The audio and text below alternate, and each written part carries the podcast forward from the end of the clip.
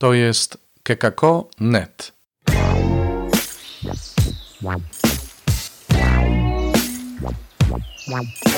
Poranny suplement diety.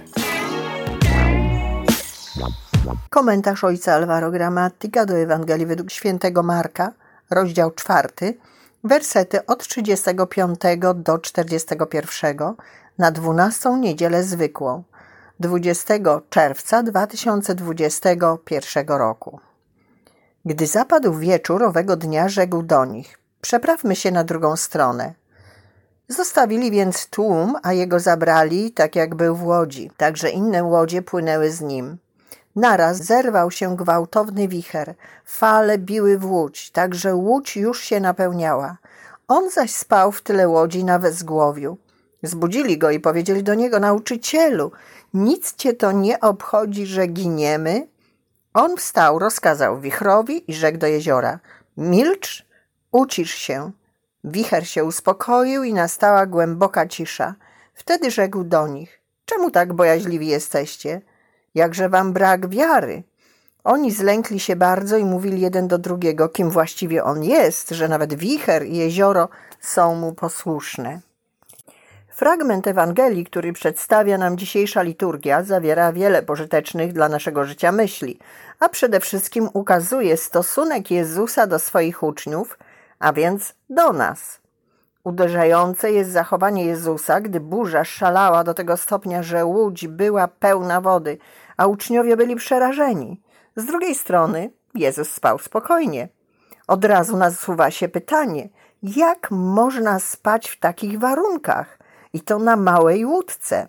Bardzo często Jezus zachowuje się tak samo wobec nas. Chcielibyśmy posłusznego Jezusa, który jest na nasze rozkazy, ale tak dzieje się tylko w magii, gdzie wszystko jest mechaniczne, podczas gdy w wierze jest zaufanie i oczekiwanie. Chcielibyśmy, żeby wszystko poszło dobrze według naszych kalkulacji, ale byłoby to zachowanie kapryśne, a nasza wiara zawsze pozostawałaby w stanie embrionalnym i doznawałaby wstrząsów pod wpływem pierwszych wrażeń. Czasami, jeśli nie często, wydaje się, że Bóg śpi w naszym życiu, ale On jest zawsze jednakowo obecny. Wydaje się być nieaktywny, ale dlatego, żeby uaktywnić naszą wiarę. Może powinniśmy też nauczyć się spać właśnie wtedy, gdy jest burza. Od razu nasuwa się drugie pytanie. Dlaczego Jezus, gdy już się obudził i uspokoił wiatr oraz jezioro, wyrzuca swoim uczniom lęk i brak wiary? Prawdę mówiąc, przecież taka była rzeczywistość, której należało się bać.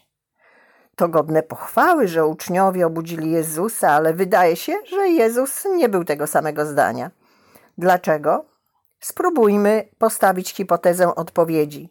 Patrząc na to, co robi Jezus, gdy tylko się budzi, gromi wicher i przemawia do jeziora.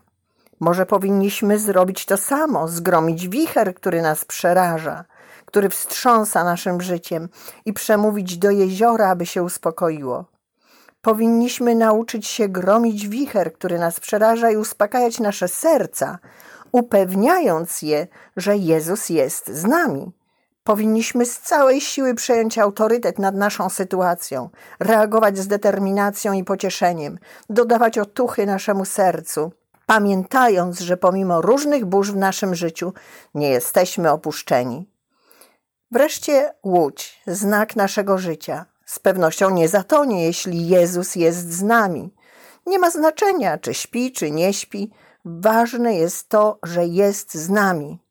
Żyjmy spokojnie, reagujmy z mocą, nie dając się zdominować przez pierwsze wrażenia i uspokajajmy nasze serca, zapewniając je o miłości Jezusa do nas.